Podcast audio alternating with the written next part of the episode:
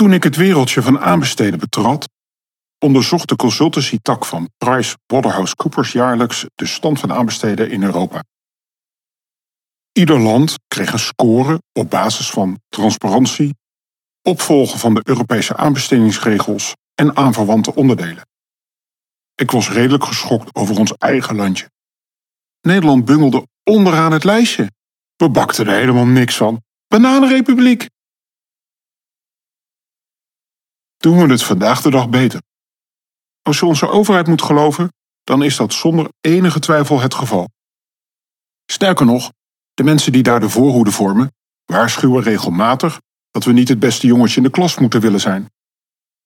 De realiteit is echter dat 15 jaar later we nog niet verder zijn dan een matige middenmotor. En dat we het sowieso zover geschopt hebben, is vooral de verdienste van enkele individuen. Bij de eerder genoemde business unit van PwC had emeritus professor Jan Telge een dikke vinger in de pap. Telge had er zelf alle belang bij dat we in Nederland meer oog zouden krijgen voor aanbesteden. Meer aandacht betekent namelijk meer geld. Meer geld voor zijn onderzoekswerk de universiteit en het eerder genoemde consultancybureau. Maar wie in deze zinnen enig cynisme hoort, moet ik teleurstellen. Het is juist die aanpak geweest die onze aanbestedingspraktijk enorm vooruitgeholpen heeft. Ik zal dat toelichten. Als je iets op de goede wijze wil doen, dan moet je weten hoe je dat aanpakt. Net als met de meeste dingen in het leven is dat met aanbesteden niet anders.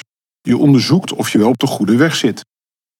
Bij Telge staat buiten kijf dat hij een grote bijdrage levert aan onderzoek naar aanbestedingen. Maar het is niet alleen zijn academische werk waar ik op doel. Telge initieerde veel aanvullend onderzoek, motiveerde hogere en lagere overheden om hetzelfde te doen.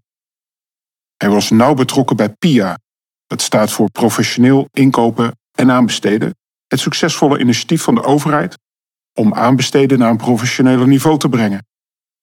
Vandaag is daarvan nog veel te herkennen op de website van Piano. Aanbesteden is mensenwerk.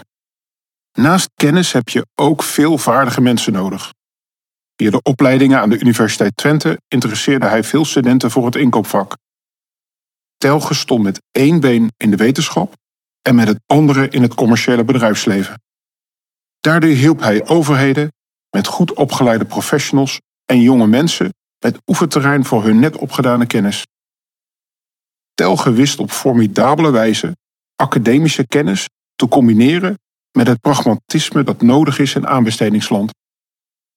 Met een enorme schare aan geïnteresseerde wetenschappers, onderzoekers en professionals tot gevolg. Ik weet het.